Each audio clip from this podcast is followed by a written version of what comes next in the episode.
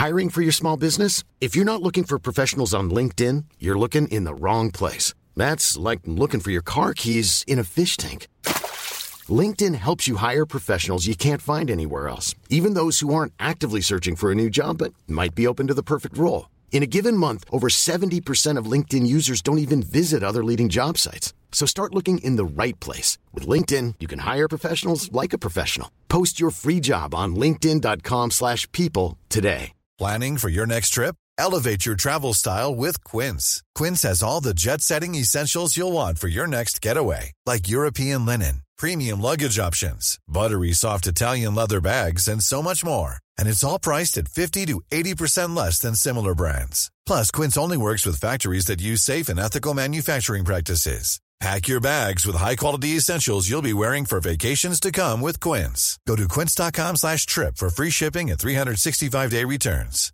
Everyone knows therapy is great for solving problems, but getting therapy has its own problems too, like finding the right therapist, fitting into their schedule, and of course, the cost. Well, BetterHelp can solve those problems. It's totally online and built around your schedule. It's surprisingly affordable too. Connect with a credentialed therapist by phone, video, or online chat, all from the comfort of your home. Visit betterhelp.com to learn more and save 10% on your first month. That's BetterHelp H E L P. Swingerskulturen är något som många av oss dras till, men sällan pratar om. Därför är det svårt för många att urskilja vad begreppet swingers egentligen innebär. Är swingers och polyamorösa helt separerade från den monogama normen? Och hur skiljer de på sex och kärlek? Är swingersklubben ett ställe vars väggar helt stängt ute allt vad svartsjuka innebär? Trots att människan levt monogamt i en bråkdel av hennes historia är vi reserverade mot det som swingerskulturen och flersamhet erbjuder. I podcasten Alla våra ligg är de två mest lyssnade avsnitten de om swingersklubben och polygami. Vilket skvallrar om en nyfikenhet på flersamhet och sexuella möten utanför relationen. Är människan verkligen helt monogam? Eller är vi polygamt riggade? Hur tar man steget in med sin partner i swingerslivet? Och hur navigerar man kring svartsjukan?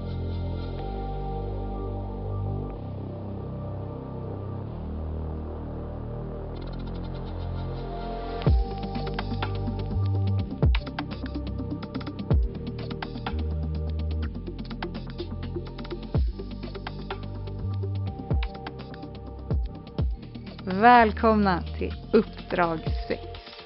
Veckans avsnitt handlar om swingerskultur i relation till monogami. Om kärlek och sex går hand i hand eller är helt separerade från varann är någonting som människor ser väldigt olika på. Och svartsjuka spelar ofta in som ett skäl att helt avstå från sex med andra utanför relationen. Vi vill undersöka hur swingers lyckas separera sex från den emotionella relationen samt hur de förhåller sig till monogami. Men vi vill också veta om monogami ligger i människans natur eller om det är en konstruerad norm som vuxit fram under människans livstid. Bor det egentligen en swinger i oss alla?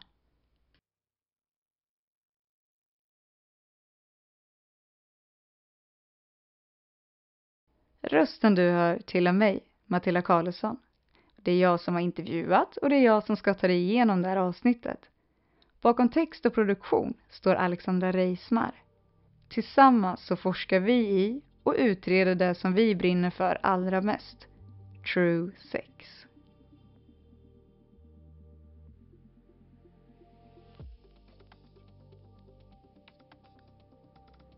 Vi befinner oss på Nordens mest kända swingersklubb, Adam och Eva, som funnits i Norrköping sedan 1990. Det är andra gången vi befinner oss här i jobbärenden. Den här gången är det innan öppning och klubben har inte öppnat för besökaren. Förra gången var vi här på studiebesök som alla våra ligg. Nu är vi här för att prata med Marika och Jens, ett par som jobbar på swingersklubben när de inte själva är där för att festa och swinga. Innan vi besökte klubben hade vi såklart målat upp en bild av hur en swingersklubb kunde vara. Något vi inte var ensamma om. Alltså jag visste knappt vad swingers var innan jag träffade Jens. Jag... Eh, alltså det enda, det enda jag ens kunde tänka mig bak eh, vad en swingers var, det var typ att jag hade sett på någon film någon gång om att det var par som kom till ett hem och så la de sina, sina hemnycklar i en skål och så fick man plocka nycklar ur en skål. Och den, den nyckeln fick man liksom, man fick vara med den personen typ. Det var så absurt typ. Så att det var ungefär det jag, jag, eh, jag trodde att det var, eller inte trodde men, men hade för bild. Så att när jag träffade Jens så, så fick jag ju liksom lära, lära om. Jag tror jag hade nog en ganska typisk bild som de flesta har. Och det är väl den man har byggt upp av att satt, titta på TV, filmer och så vidare. Jag var, tänkte nog att det var en viss typ av människor som besöker en swingersklubb. Och att jag var inte den typen. När paret träffades var Jens redan invigd i swingerskulturen. Något som Marika var helt ny inför. Vi ska lyssna till hur Marikas intresse för swinging tog fart. Ja, jag träffade ju, jag träffade ju Jens, eh, en lite överförfriskad Marika på krogen när Jens jobbade som ordningsvakt och tyckte att han, han ska vi ragga på. Och då tyckte Jens att gör det du men skyll dig själv för du vet inte vad du ger dig in på. Och då tänkte jag jo då, det gör jag visst. Och det gjorde jag verkligen inte. Eh, och han förklarade typ inom fem minuter ungefär att ja men hej jag heter Jens, jag vill leva som swinger typ. Så, ja, så att jag, jag eh, hängde på på ett bananskal, inte just den kvällen. Men eh, ja, jag var ju full och glad och tyckte att det här låter som en bra idé, vi kan prata mer imorgon typ. Sen imorgon så var det ju, då tänkte jag lite extra kan man säga. Nej men jag träffade Jens eh, efteråt igen, eh, lite löst sådär och liksom pratade om ja, men vad, vad swingerslivet innebar och hur han hade levt och hur han ville leva och alltså det, det var inte så att vi träffades på krogen så var vi ute efter en ny partner. Eh, absolut inte utan det var mer såhär att han, ja men kul att introducera nya människor och, och alltså ja, lite sådär. Alltså herregud, första gången på en singelklubb. Eh, jag har aldrig varit så nervös i hela mitt liv. Jag mådde fruktansvärt. alltså verkligen, det var, jag hade typ panik. Eh, för att vi, eh, det skulle vara en sån här tjejkväll innan som jag skulle gå på här på klubben. Eh, och då får det inte vara några killar och jag hade två tjejkompisar som skulle följa med mig. Eh, och de här två tjejkompisarna bangade ju i sista sekund. Så jag inser att, ja men okej, okay, jag kommer få gå själv på det här. Och jag har aldrig liksom, jag vet inte ens vad jag ger mig in på. Eh, och Jens sa det till mig, men du behöver inte gå om du inte vill. Vi kan gå tillsammans senare när det öppnar för både ja, men, killar och par och de som inte varit med på tjejkvällen. Och jag, jag kände, ja men jo jag kanske gör det. Men eh, det slutade med att jag liksom i sista sekund sa, nej men fan jag går. Jag, jag går i alla fall så kollar jag vad det är. Och jag som inte är en grå mus normalt. Jag har aldrig varit så tyst och försynt i hela mitt liv som jag klev innanför dörrarna på den här klubben. Jag var så fruktansvärt nervös och liten. Eh, så tack och lov att det var vinkväll, eller vinprovning den kvällen. Det räddade situationen kan jag säga. Eh, men jag var som ett barn i en godisbutik. Det var det bästa jag någonsin kunde ge mig in på. Jag, eh, det, nog den roligaste kvällen jag haft i hela mitt liv. Det var en så positiv upplevelse. Det var helt liksom, Jens, han fick bara, han fick bara hänga på. Håll i dig för nu åker vi liksom. jag, jag var överlycklig. För Marika uppstod kärlek för swingerslivet snabbt. Men för Jens såg vägen in till swinging något annorlunda ut. Ja, det var nog en ren tillfällighet. Eh, utan det var med min exfru som vi upptäckte det här med ett annat par som vi kände. De tyckte att vi skulle besöka en swingersklubb. Och det råkade då vara just där vi sitter idag fast på ett annat ställe. Där den låg innan. Och eh, så vi gjorde slag i saken. Vi åkte dit helt enkelt. Helt förutsättningslöst. Hade egentligen ingen info om det överhuvudtaget. Och det var en spännande upplevelse. Jag var sjukt nervös. Egentligen inte nervös när jag åkte dit. Utan eh, då var allt som vanligt. Utan jag tänkte det här är inga konstigheter. Vi åkte till en klubb. Vi går dit, ser vad det är. Sen åker vi därifrån. Men eh, när vi kom fram till klubben och när man får så pass nära inpå. När man står utanför dörren och ska knacka på för att gå in. Det var då allting rann över mig. Jag tänkte, nu skit vi nu åker vi hem. jag ville verkligen inte gå in just då. Men då öppnade, öppnade ägaren till klubben dörren och sa, välkommen in. Och då var det så här, ja, jag vill bara gå in då. Och jag vet att det, den första känslan jag fick när vi kom in där, det var så här att oj, alla tittar på oss. Alla ser att vi är de nya. Så att, eh, och det, det var en jobbig känsla.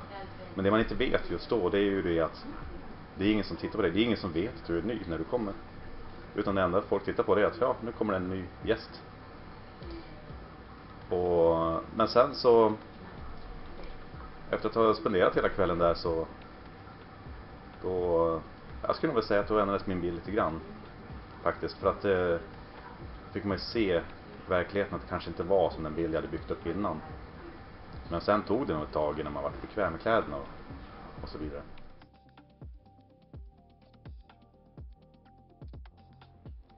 Vi kommer att få höra mer från paret under avsnittet. Vi har hört hur ett första besök på en swingersklubb kan vara. Jens berättade att han började utforska swinging med sitt ex. Men vi vill veta mer om hur man som par rustar sig bäst innan man öppnar upp sin relation för flersamhet. Vi har valt att formulera frågorna med eh, benämningen flersamhet och det här gör vi för att ge svaren en större bredd. Att vara swingers och att ha en öppen relation är inte synonymt och det här är någonting vi kommer till lite senare. Men svaren kan dock appliceras på båda och ofta även på tvåsamhet. Vi har tagit hjälp av Kristoffer Lind, sexpedagogen som coachar män och kvinnor och par om sex, relationer och flersamhet. Finns det något man bör tänka på innan man öppnar upp sin relation? Innan man öppnar upp sin relation så eh, bör man eh, vara tydlig med varför man vill öppna upp relationen. Eh, både vad man ser för vinning för sig själv och också öppna för partnerns reaktion. Eh, det är viktigt tror jag att samtal där båda känner att de är med och delaktiga i det samtalet. Så att man inte har en idé om hur man vill öppna upp en relation och presentera det som en paketlösning till partnern som får ta det. Att den kanske har andra idéer om vad den vill och inte vill med att öppna upp relationen. Eh, så att, så att det är färdigpratat om det.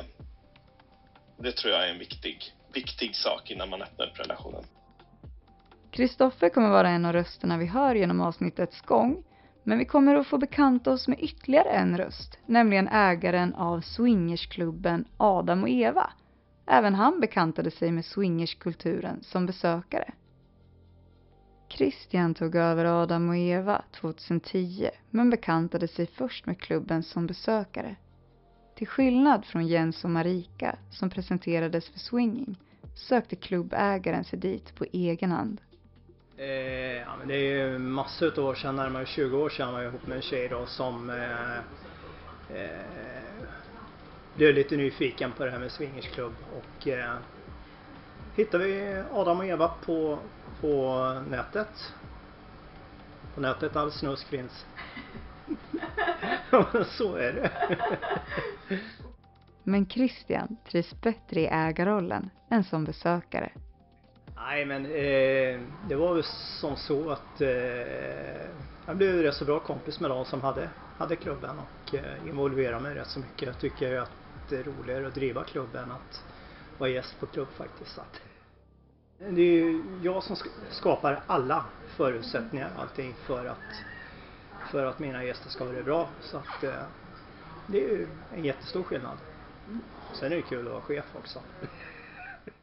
Med 13 år i bagaget som klubbägare måste han se ett par som kommer och går. Vi frågar därför om han tror att swinging kan stärka en relation. Känslan är väl att det är så. Det är väl både och. En, del kan det gå käpprätt åt helvete för men eh, det är väldigt sällan. Men eh, jo, men det är, det är många som börjar bli lite övre medelåldern och har det så tråkigt sexliv och krydda till det med, med att gå på swingersklubb? Ja, svar ja. På det stora hela är han positiv till att swinging kan stärka eller krydda en relation. Men han nämner också att det kan gå käpprätt åt helvete. En sak som kan bidra till det är svartsjuka. Förekommer det svartsjuka på swingersklubbar? Vi hör Marika. Ja, absolut.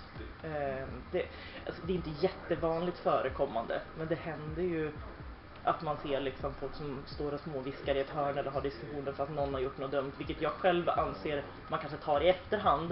Eh, men sen kan det vara också att någon Alltså att någon kan ha gjort något med någon som de hade kommit överens om innan att man inte skulle göra sådär, så absolut. Men om man är svartsjuk men ändå är sugen på att ligga med andra eller utforska flersamhet, är det helt kört då? Eller finns det något sätt att hantera sin svartsjuka? Och vad ska man göra för att det inte ska gå käpprätt åt helvete som det gör för en del? Vi frågar Kristoffer. Det krävs inte att man inte har svartsjuka. Och jag eh, skulle vilja påstå att man inte behöver träna bort svartsjukan. Eh, jag tror att svartsjuka fyller en del viktiga funktioner för oss människor. Eh, jag tror att vi kommer komma in på det lite senare eh, frågan.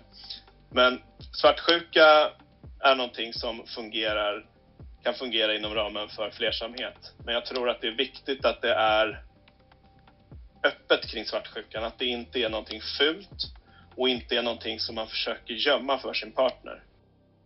Det känns tryggt att prata om svartsjuka som en naturlig del av oss människor. Men ibland kan svartsjuka gå över gränsen. Ja, men det tror jag. Och där tror jag att de här reglerna kan ofta spela in, att man har satt upp en massa regler som snarare ger näring till svartsjukan på ett dåligt sätt. Eh, eh, där det går överstyr. Eller att man använder sig av svartsjukan för att kontrollera sin partner på ett sätt som inte blir rättvist i den här öppna relationen. Man kanske använder svartsjukan på ett sätt så att på pappret så har du och jag lika öppet men du vet att jag blir svartsjuk om du skulle göra vissa saker så du undviker det. Men jag kan fortsätta göra det för du inte blir svartsjuk. Jag tror det är viktigt att ha samtal om svartsjuka och försöka um, skapa ett sammanhang i relationen där svartsjukan får, får uttalas och bli lyssnad på, tror jag är väldigt viktigt. Hur gör vi för att undvika att använda svartsjuka som ett vapen? Svartsjuka har fått en märklig roll tycker jag i vårt samtal, i samtalet i, i, samhället. Å ena sidan i monogama, vissa monogama situationer så ses svartsjuka som något romantiskt. Att, man är, att jag blir svartsjuk på att du pratade med en annan man blir plötsligt ett sätt för mig att visa att jag tycker om dig. Eh, men och i flersamma kretsar så tycker jag att man har, det finns ett ibland ett förakt för svartsjuka. Eh, där man bara ser det som något negativt. Eh, jag tror att det viktigaste är att svartsjuka har en funktion för oss, tänker jag, och försöker ofta tala om för oss att någonting inte riktigt står rätt till. Problemet är att vi är ganska dåliga på att lyssna på vad är det svartsjukan försöker säga.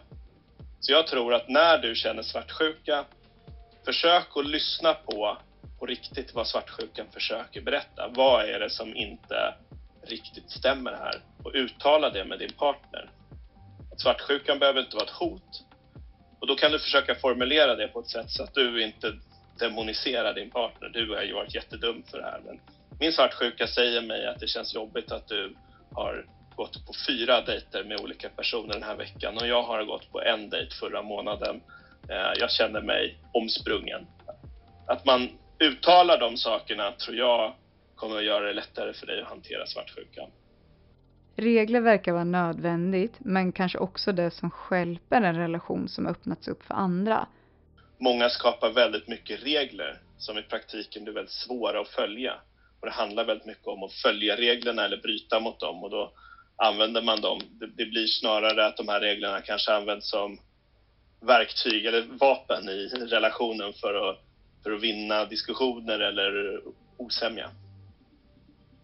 Ehm.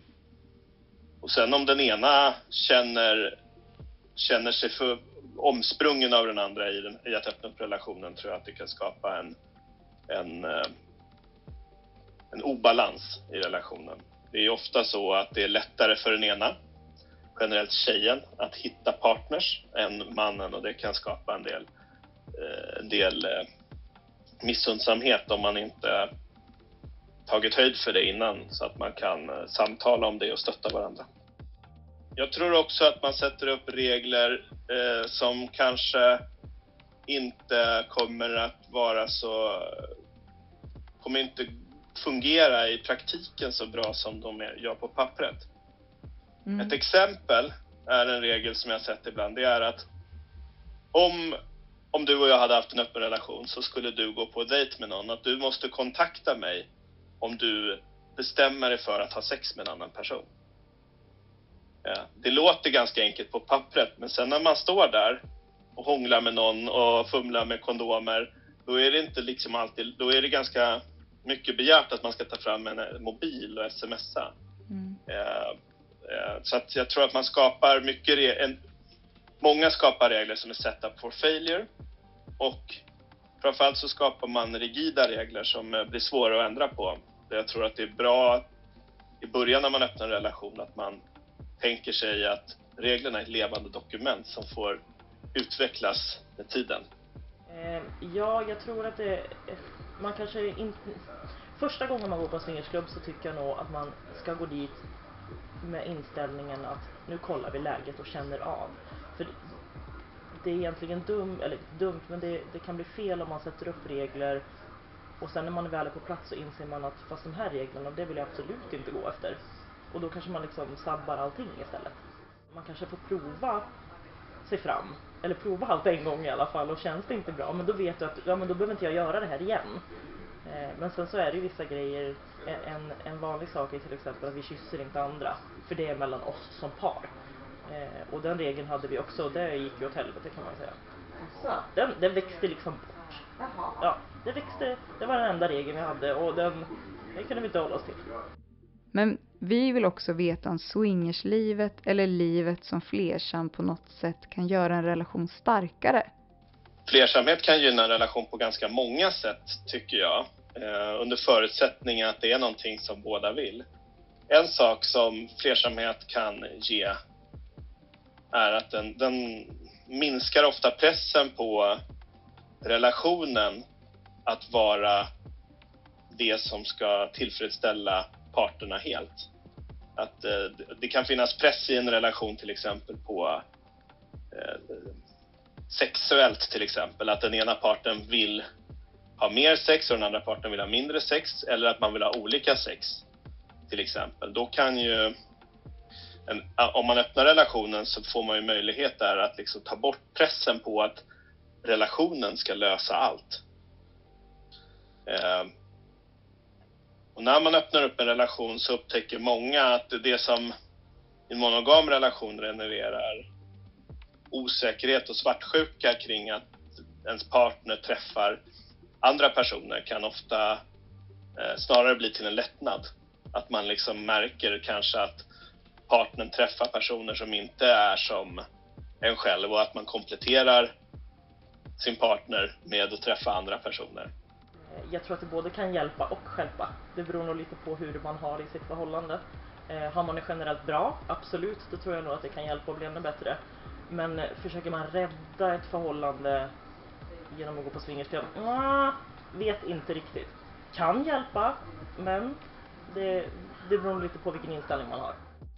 Någonting jag tycker är en stor sak med att leva flersamt, jag lever själv flersamt, eh, är att jag känner att istället för att jag erbjuder exklusivitet som min kärlekshandling till min partner så erbjuder jag frihet till min partner. Och det tycker jag är en, det är en härlig ingång, tycker jag, och en härlig gåva att ge till mina partners.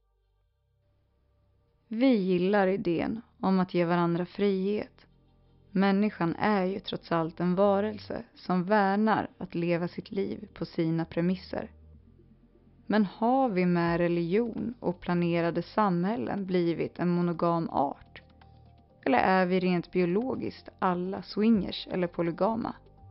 Tror du att, det, att monogami är naturligt hos människor eller tror du att vi egentligen hade Alltså. Jag tror inte att det är en naturlig del i grunden. Men eh, jag tror att det är någonting som vi har skapat. Och det är väl inget fel i det. Eh, det visst kan man få leva efter den devisen om man känner för det. Men ja, jag tror inte att det ligger hos oss naturligt.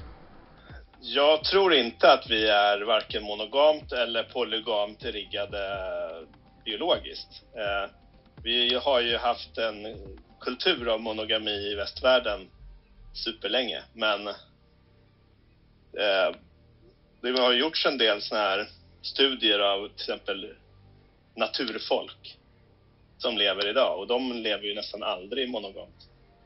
Mm. Det kan vara det är intressant tycker jag. Eh, jag tror att vi har, eh, vi är nog eh, biologiskt riggade för avundsjuka, missundsamhet, men också medglädje och en längtan av att tillhöra. Så jag tror att det finns saker i vår biologi som både kan få oss att bli monogama och flersamma.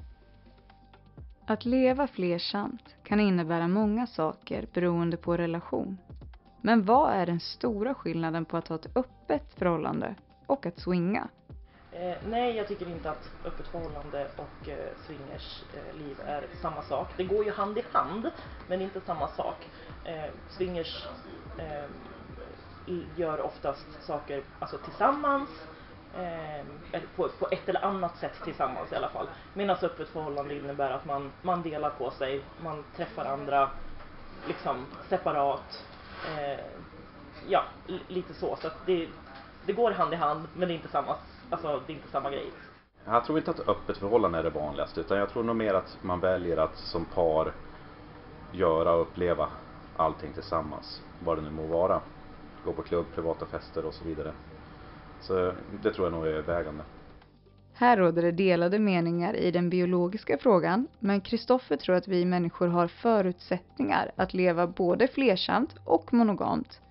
Men inom människoarten finns det två biologiska kön, där vi är nyfikna på hur vi navigerar på en swingersklubb, i bemötande och hur vi bemöts utifrån dessa. Eh, ja, eh, det bemötande som jag har fått eh, till mig själv Eh, generellt om jag pratar med vänner och sådär, eller vänner och, och bekanta och sådär, eh, så, så är det då är det mest bara nyfikenhet generellt sådär. Men jag kan uppleva till exempel på min Instagram och sådär när man är öppet om hela den swingersgrejen och sånt att män är med på och lite mer creepy. Inte alla, absolut inte alla män. Men många är lite så här okej okay, hon svingar och ligger med andra, då innebär det att jag kan säga vad fan jag vill. Det är lite, lite det där upplever jag, så det är mycket blockeringar. Eh, Medan kvinnor är lite mer såhär, ah shit vad coolt, och vill prata om det. Men, men vissa förstår inte riktigt sin, eh, sin gräns. Det är liksom, eh, jag, jag är inte öppen för alla för att jag lever så här. Men, men jag upplever att vissa nästan tror det. Eh, men generellt eh, så eh, jättefin feedback liksom från, från eh, både kvinnor och män. Det är nog ganska lika faktiskt. Man kan tänka sig att det här är en eh, någonting som kanske skulle locka killar väldigt mycket. Men av någon anledning. Men svar nej om man tittar utifrån hur det har sett ut i mina flöden, sociala medier och så vidare. Så är det, det är ett antal killar som har hört av sig, svar ja. Men det är desto fler kvinnor som har hört av sig, nyfikna, vill veta. Upplever du att det kan vara skillnader på alltså män versus kvinnor när det kommer till swingerskulturen? Ja, oj, absolut. Visst är det eh, Män är mycket Millions of people have lost weight with personalized plans from Noom. Like Evan, who can't stand salads and still lost 50 pounds. Salads, generally, for most people, are the easy button, right? For me, that wasn't an option. I never really was a salad guy. That's just not who I am. But Noom worked for me. Get your personalized plan today at Noom.com. Real Noom user compensated to provide their story. In four weeks, the typical Noom user can expect to lose one to two pounds per week. Individual results may vary. Spring is my favorite time to start a new workout routine. With the weather warming up, it feels easier to get into the rhythm of things. Whether you have 20 minutes or an hour for a Pilates class or outdoor guided walk, Peloton has everything you need to help you get going. Get a head start on summer with Peloton at onepeloton.com. odrägligare på klubb. Är det så? Ja, tyvärr. På vilket sätt? Tar vi de här singelkillarna som kommer hit. Eh, många av dem är jättebra, jätte, jätte, jätte, jättebra och vi, vi är väldigt eh, restriktiva med att ta in singelkillar men eh, en del är ju helt hopplösa liksom. Man tror att, man tror att de är på zoo nästan. Men de åker ut alltså. De har ingenting här att göra. Swingersklubben är helt enkelt ett ställe där könen beter sig likadant som utanför denna. På Adam och Eva är reglerna strängare för singelmän för att skydda kvinnor från män som inte riktigt förstått vad swinging handlar om. Mm, en gång. Alla singelkillar som ska komma hit de måste ju gå på en provkväll, audition night kallar vi det för. Och eh, bli godkända. Och det är inte alla. Det är inte alla. Men det är alltid, alltid, är det någon som, som uppför sig illa så är det alltid en man. Men hur gör man då? Hur navigerar man på en swingersklubb på bästa sätt? Här märks det att vi är rookies när vi famlar i mörkret efter konkreta tecken. Eh, nej, inga hemliga tecken. Eh, inte, inte liksom direkt så på klubben att det finns något tecken om att vad man är intresserad av eller inte intresserad av och sådär. Det är mer liksom att lägger någon en hand på mitt lår i ett rum, ja men då är man visar väl liksom att man är intresserad. Eh, men inga direkta tecken. Eh, är det symboler och sånt där, ja men då är det ju den här traditionella flamingon liksom. Men inga tecken eh, generellt. Men nu har ju det blivit en väldigt populär grej så alla vet ju inte det. Så att det kan ju finnas flamingos i både det ena och det andra fönstret och trädgårdarna hos de som absolut inte lever så. Men eh, jag vet att eh, de, alla de swingers jag känner och eh, vet om det, det, går, eh, det går hårt på flamingos. Mycket inredning. Tycker du att man ska ha det? Som, eh, om man går på swingersklubb, att det är bra att man har det? Att, att man har en flamingo hemma? ja, precis. Men det spelar något roll. Man har med sig en flamingo till klubben i koppel. Nej, inte klubbmässigt så är det ju nog inga sådana, eh, vad heter det, tecken. Um, det gör det inte. Däremot så finns det klubbar som haft en form av kodsystem. Och det har då varit till exempel armband i olika färger. Och de banden kan då identifiera lite grann utifrån vad du är ute efter. Till exempel om du söker andra kvinnor, andra män, par och så vidare. Men det är ingenting som vi har kört med här nere. Men jag vet att det har förekommit på andra klubbar. Tror du det är positivt eller negativt? Alltså jag, jag vet inte. Alltså det, det, är, det är inte så svårt att öppna munnen och prata med folk. Det är en rätt bra, bra liksom isbrytare att få börja socialisera sig och, och samtala med någon och kanske så att man inte bara kliver rakt in utan man kan, man kan börja prata och man märker ganska fort om det är intressant eller inte. Så att om det behövs, ja, tveksam. Vi har inte det på den här klubben eh, men eh, jag vet att eh, andra klubbar har haft armband eh, i olika färger. Eh, vad de nu har betytt det vet jag inte men eh, det där är så tokigt. Jag menar, även om man, även om man går på en swingersklubb och bestäm, bestämmer att man bara ska ha sex med sin partner. Det kan bli något helt annorlunda. Man går in i rollen här och tycker det är en fantastisk miljö och allting och ja, nej, då blir det inte som man har tänkt sig. Jo, men jag tycker det är jättetokigt att man ska låsa upp sig för att börja göra en sak mm. med, med ett armband. Eh, att man bara vill ha sex med, med ett annat par till exempel om man är ett par och sen kommer någon jätteläcker tjej eller kille liksom som vill vara med. Nej tyvärr vi bara, eller den tjejen eller killen, ja, det är ingen idé att vi raggar på, raggar på det där paret utan för de vill ju bara ha andra par. Mm. Men de kanske hade varit jättenöjda, det vet man aldrig. Kommunikationen verkar vara det bästa knepet för den som är sugen på att swinga. Något vi borde räknat ut med tanke på att vi i våra professioner alltid trycker på just detta. jag tror att är, är man swinger så har man mer dialog med sin partner. Man måste vara öppen med allting. Man kan inte ha några hemligheter för då kommer det gå åt helvete. Hela den här grejen handlar ju om att man ska vara helt öppen med varandra, att det är tillit eh, och, och jag tror att den är bättre hos swingers. Just för att man måste prata om det.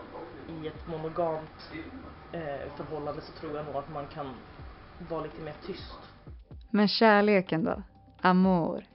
Vi som är suckers för detta, riskerar man inte att bli huvudstupat förälskad i härliga människor på klubben? Och hur skiljer man sex från kärlek? Skulle swingersklubben kunna verka som ett ställe för de som vill träffa en partner eller bjuda in andra till sin relation? Det är inte känslobaserat utan känslor det har man ju oftast med sin partner. Det, det är liksom det utbytet får man ju hemma och så vidare med den som man verkligen har eh, känslor för. Eh, själva swingersbiten handlar ju mer om en, ska man beskriva det som en lek? Eller ett socialt umgänge med likasinnade människor. Och eh, i enkla drag skulle man kunna säga att det är som att gå på krogen med sina närmsta vänner. Fast det kan kanske hända lite mer. Absolut, det är två helt, helt skilda helt skilda grejer. Eh, jag har ju såklart känslor när jag har sex med min partner. Eh, men, men det är liksom helt avtrubbat. Eh, det är inte så att det är liksom man är så kall och mörk.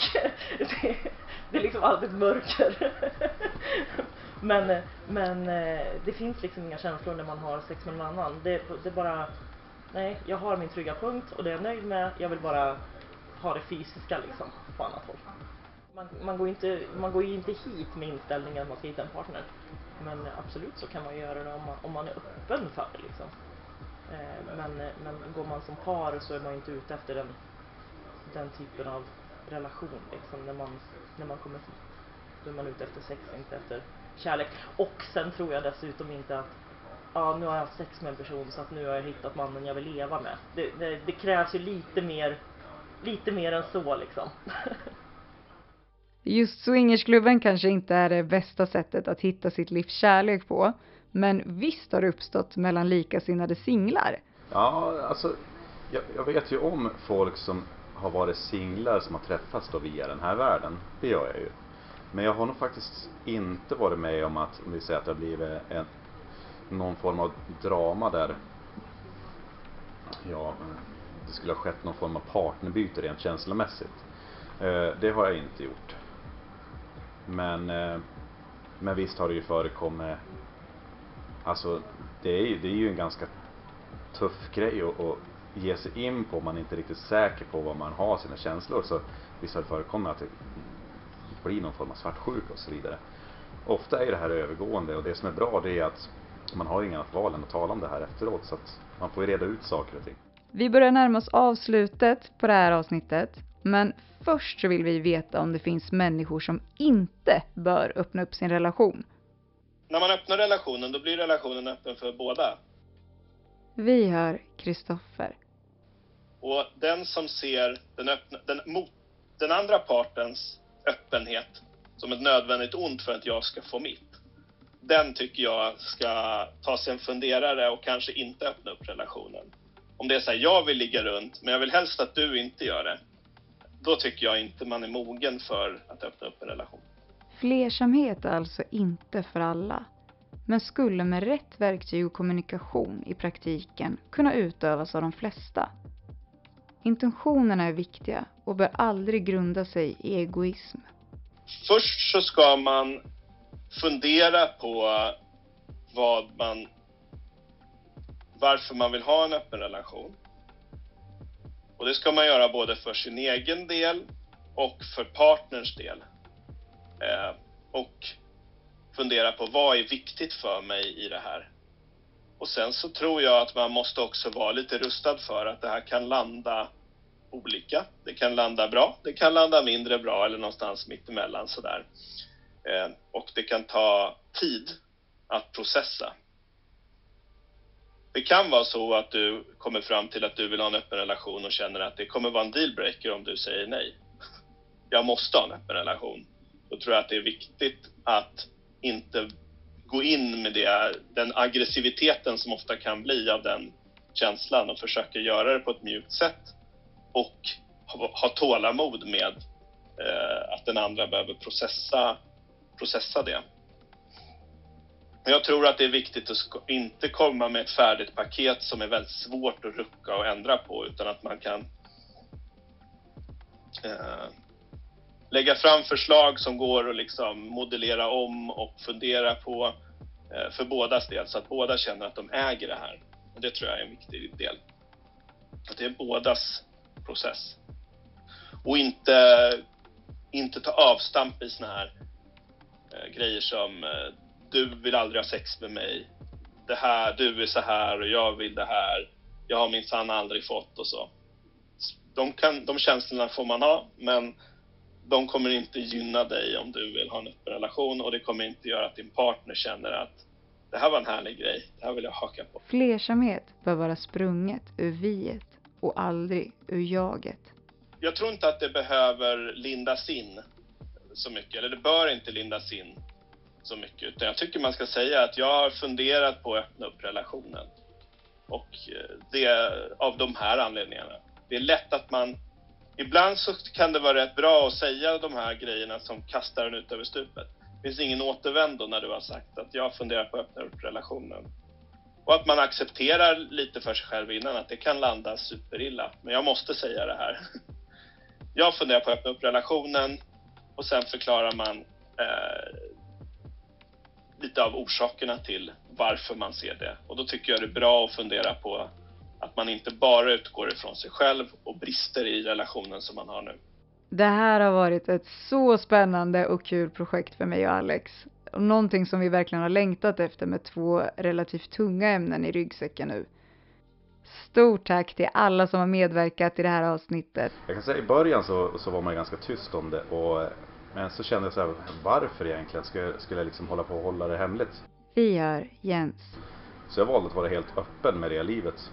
Och det har ju visat sig vara en eh, jackpot.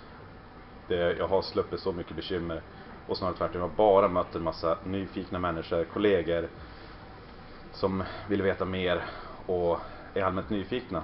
Framförallt sådana som kanske har tänkt tanken att gå på en swingersklubb men inte törs ta steget riktigt. Där har vi liksom, där har man ju märkt en stor förändring liksom i just kollegor som törs komma fram och prata med en, ställa frågor. Jag ser ju även idag att eh, det här är ju det här är ju ett ämne som berör många och som många är väldigt nyfikna i. Men att det kanske fortfarande är någon form av tabu att prata om att man går på en swingersklubb. Mycket kanske har att göra med okunskap och så vidare. Men jag vet ju, vi pratade ju tidigare i eran förra podd. Och efter det så har ju har märkt en enorm respons från det avsnittet. Väldigt många som har hört av sig, nyfikna, vill veta mer. Vad gör man? Hur gör man? Vi hör Marika. Men alltså tänk dig, det var verkligen barn i en godisbutik. Det var så här, åh där, åh där, nej men gud hit kan vi gå, dit kan vi gå och vi provar det här och det här paret eller den tjejen eller det är liksom så här, den som kommer i vägen nu, den får skylla sig själv. vi hör Christian. Eh, som par är det bara att skicka ett mail till oss att eh, man vill bli medlem. That's it. Så är det.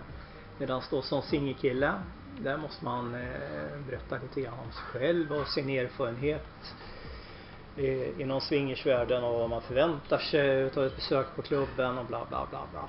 Det, det är rätt så omfattande. Eh, och en del försöker ta lite genvägar och bara fylla i hälften.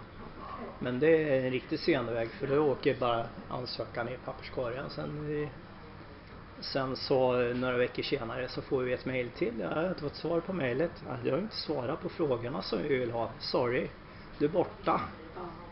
Eh, så att eh, singelkillar framförallt då eh,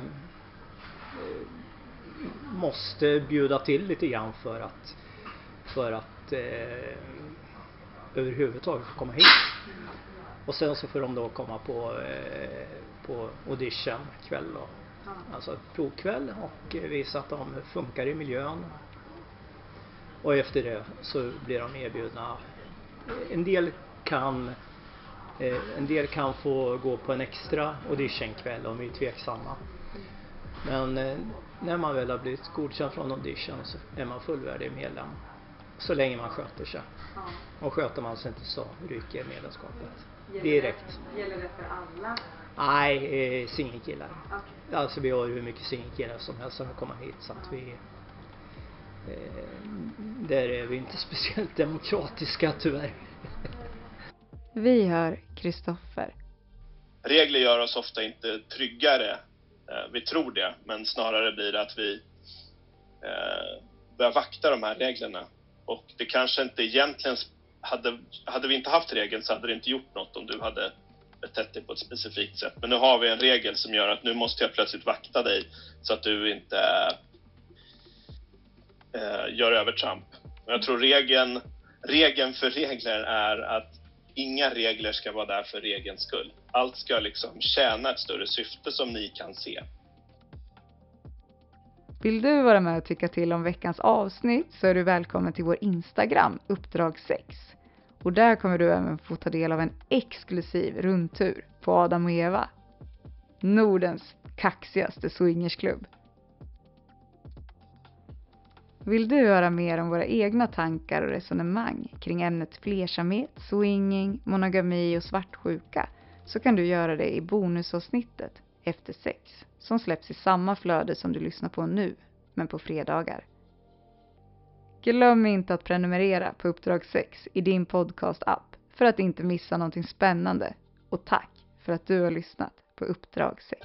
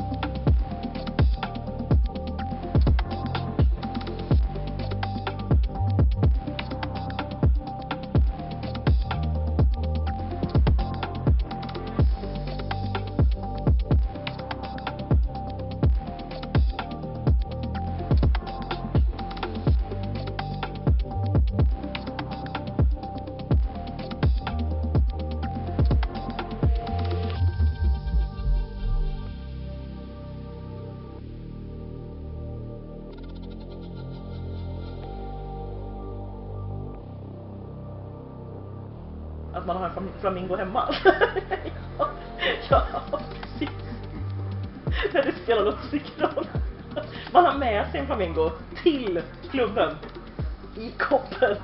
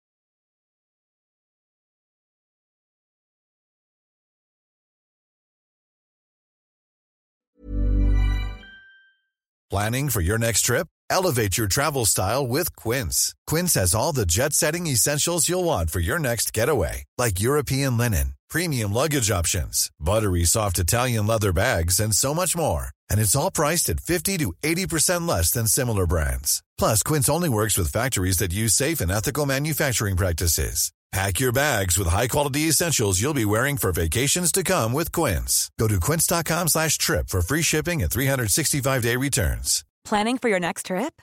Elevate your travel style with Quince. Quince has all the jet setting essentials you'll want for your next getaway, like European linen, premium luggage options, buttery soft Italian leather bags, and so much more. And is all priced at 50 to 80% less than similar brands.